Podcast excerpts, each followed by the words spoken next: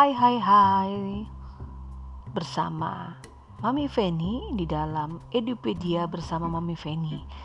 Kebalik-balik ya jadinya. Gak apa-apa deh. Di mana pada malam hari ini melanjutkan beberapa jam yang lalu di episode yang keempat. Bayangkan sudah masuk episode kelima di perdana belajar podcast. Tapi gak apa-apa mumpung semangat jadi mencoba membagikan nanti di hari-hari berikut tentunya akan membuat jadwal. Misalkan jam 1 siang jam 10 pagi ini bisa keluar ya kan hasilnya. Karena ini ketika langsung dibagikan ini secara secara record secara live langsung bagikan biasanya tanpa edit-editan dulu. Karena ya belajar apa adanya aja ya sesuai dengan yang ada di kepala sesuai ada yang dibaca supaya bisa menjadi masukan menjadi wawasan bagi kita semua.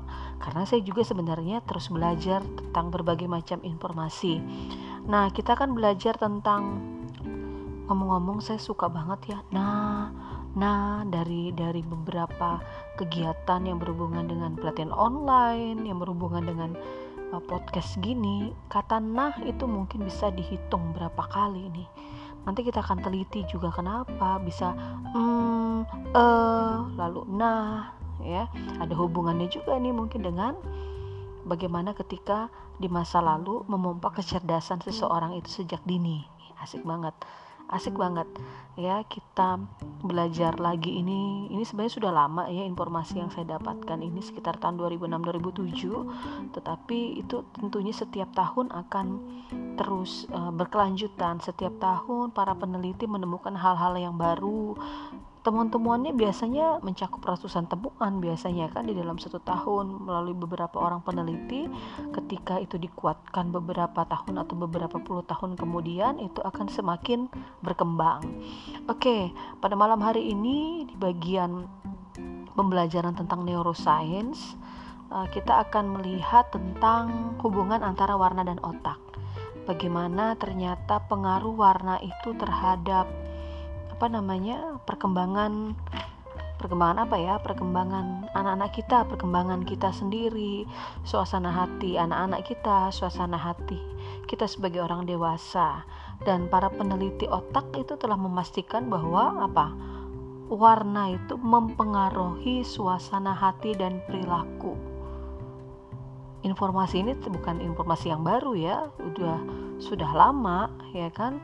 Jadi biasanya penelitian-penelitian terbaru itu akan mendukung penelitian-penelitian yang lama loncatan dari penelitian-penelitian yang lama.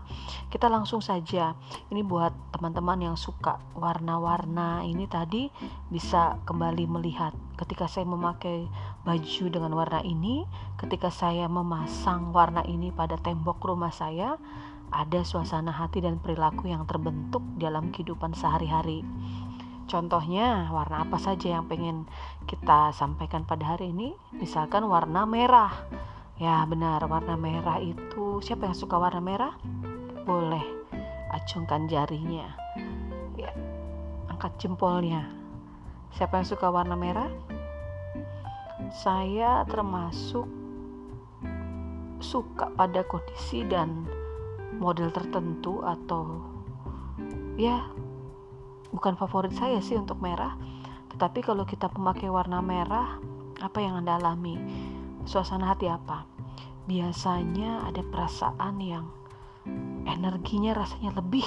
Ya benar gak energinya lebih lalu sepertinya uh, ada peningkatan nafsu makan. Benar nggak sih kalau salah satu sumber yang saya gunakan untuk saya sharingkan ke teman-teman di sini ketika kita menggunakan warna merah suasana hati dan perilaku kita biasanya itu akan mendorong kepada kreativitas meningkatkan pernafasan dan nafsu makan, meningkatkan indera penciuman, bahkan menambah energi. Hmm, sepertinya benar ini yang disampaikan. Karena kalau pengalaman pribadi menggunakan baju berwarna merah, rasanya beda ya memang dengan menggunakan baju-baju yang lain rasanya seperti lebih berani tampil beda menggunakan warna tersebut karena memang betul akan menyolok di tengah orang banyak ketika kita menggunakan warna ini tadi Bagaimana dengan kalian? Semoga sama ya, atau kalau nggak setuju nggak apa-apa sih. Setiap orang punya pendapat yang berbeda-beda. Dan kemudian yang berikutnya, pernah pakai baju warna kuning atau rumah kalian dicat atau menggunakan warna dasar kuning?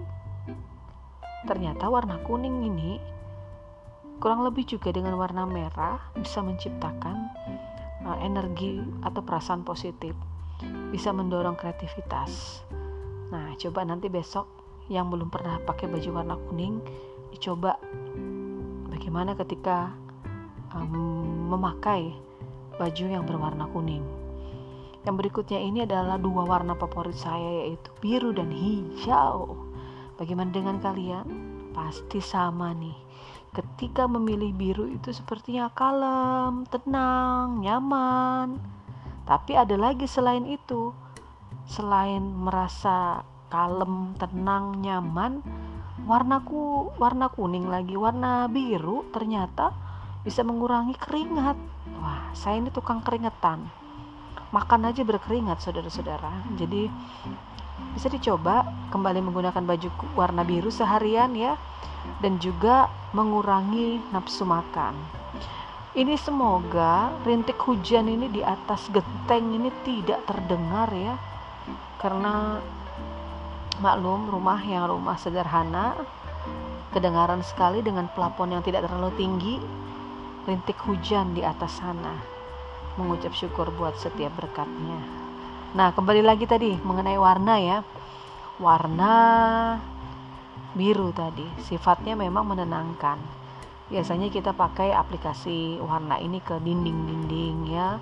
Nah, bagaimana dengan kalian? Birunya seperti apa yang digunakan di rumah itu bisa menggambarkan suasana dan perilaku hati kalian kemudian yang berikutnya warna hijau salah satu warna favorit saya juga pasti banyak juga yang suka dengan warna hijau dengan berbagai macam turunan warnanya ya Warna hijau sifatnya sama seperti biru, menenangkan.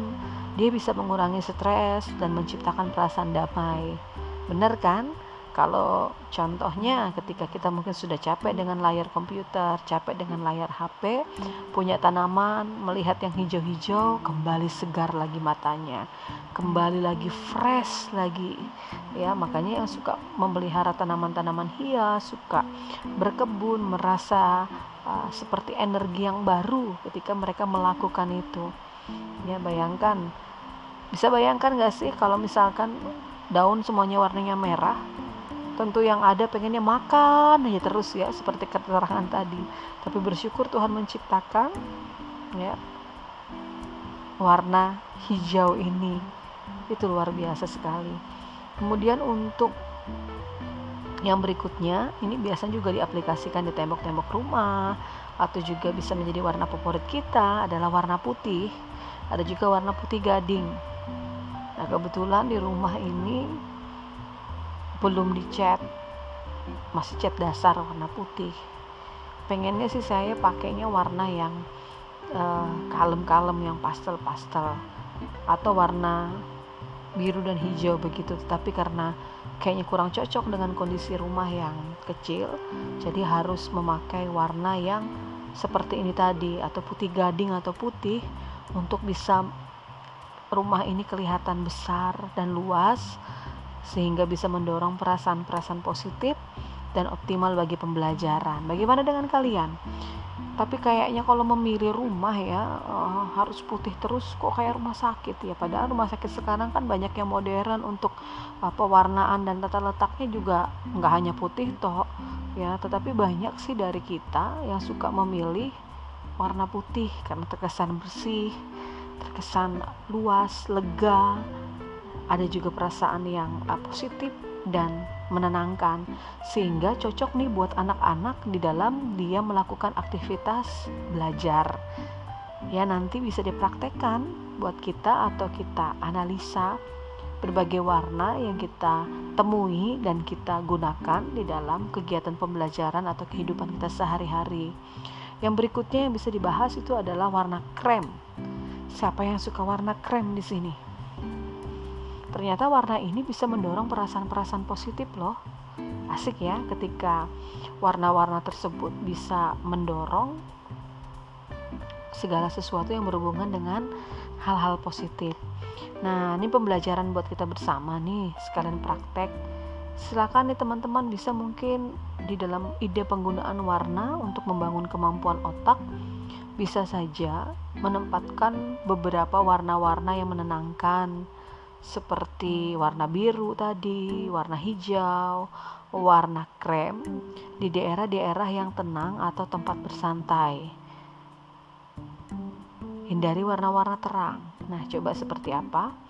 Contohnya mungkin kita bisa menempatkan warna-warna ini di daerah-daerah yang tenang, mungkin tempat tidur, kamar tidur kita, Tapi hijaunya bukan hijau-hijau daun ya. Kalau hijau daun, kalau kamarnya sempit ya jadinya tambah sempit deh, ya. Jadi bisa mungkin pastel, kemudian warna-warna yang toska, mungkin seperti itu ya, untuk bisa membuat kemampuan otak kita terbangun oleh warna-warna tadi. Kemudian untuk anak-anak kita coba ajar mereka, ajak anak-anak kita itu untuk bisa menggunakan spidol warna dan pensil warna untuk menggambar dan menulis. Ketika anak-anak kita disuruh atau anak-anak kita kita minta untuk melakukan pewarnaan, jangan lupa tanyakan perasaan mereka. Nah selama ini kan kita nggak pernah itu mengajukan pertanyaan-pertanyaan seperti itu di dalam proses pembelajaran seperti ini di tahun-tahun ini yaitu dengan PJJ tadi bagaimana selain guru orang tua juga bisa menggali merangsang menstimulus bagaimana cara anak berpikir dan bertanya di episode 1 sama episode 2 kan saya sedikit menjelaskan ya dengan itu. Nah, ini bisa nih menjadi strategi kita di dalam uh, hubungan antara warna dan otak itu tadi. Jadi nanti coba Anda-anda bisa berdiskusi dengan anak-anak di rumah atau dengan suami, dengan istri ketika melakukan percobaan warna kepada diri kita sendiri dan apakah kita bisa menyadari perbedaan-perbedaan suasana hati atau yang berkaitan dengan perilaku setelah kita menggunakan warna-warna tersebut. Contohnya tadi yang seperti saya sampaikan, apakah dengan menggunakan warna merah itu bisa mendorong nafsu makan, warna biru malah mengurangi nafsu makan. Yuk dicoba besok berhasil nggak ini? Kalau berhasil, berarti hasil penelitian ini valid. Tapi memang apa yang sudah disampaikan ini merupakan bentuk dari penelitian-penelitian yang sudah ada uh, jauh sebelum tahun ini yang berhubungan dengan frasa-frasa yang terkait dengan warna, terkait dengan anak-anak dan tentunya ada makna sesuai dengan temuan-temuan di dalam penelitian itu sendiri. Nah, itu ya yang berhubungan dengan otak dan warna itu kita apa namanya sudah sudahi malam ini supaya kalian langsung bisa praktek, kalian bisa uh, melihat malam ini mungkin memakai warna apa ketika tidur bajunya, itu akan mempengaruhi suasana hati dan perilaku kita masing-masing. Terima kasih sudah mendengarkan Edupedia bersama Mami Noveni.